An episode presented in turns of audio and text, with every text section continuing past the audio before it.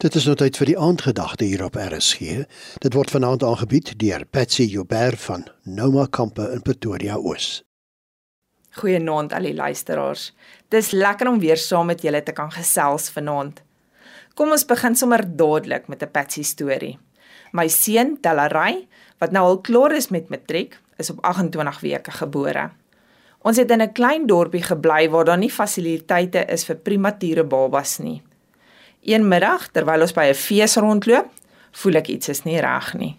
Langs storie kort, beland ons in die dokter se spreekkamers waar hy vir ons sê dat ons so gou as moontlik 'n nelspruit moet uitkom want ek is in kraam.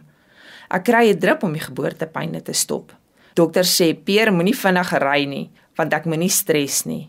Maar ons moet ook nou nie stop vir hamburger en chips nie. Ons bid al die pad soontoe. Toe ons daar aankom, het alles darm bedaar. 'n Paar ure later skeer my plasenta en ek moet gaan vir 'n noodkeiser. Die dokter sê dat daar slegs 'n 50% kans is vir Delary om te lewe en sit my dadelik onder narkose. Delary is toe gebore en elke dag is 'n gebedsaak. Na 'n tyd in die neonatale sorg kry hy 'n bakterievirus wat sy lewe in gevaar stel. Die vorige aand het ek en Peer ons fone afgesit omdat ons dit nie mag aan hê in die saal nie en ons vergeet om dit weer aan te sit. Vroegoggend kry ons die boodskap dat ons ons seentjie moet kom groet. Hy gaan dit nie maak nie. My hart sink in my skoene in. Ek en Peer staan voor 'n doodsituasie. Wat gaan ons doen? Ons het gekies om nie die leuen van die vyand oor ons seun se lewe te glo nie. Ons het in die saal ingegaan en ons het vir hom begin bid.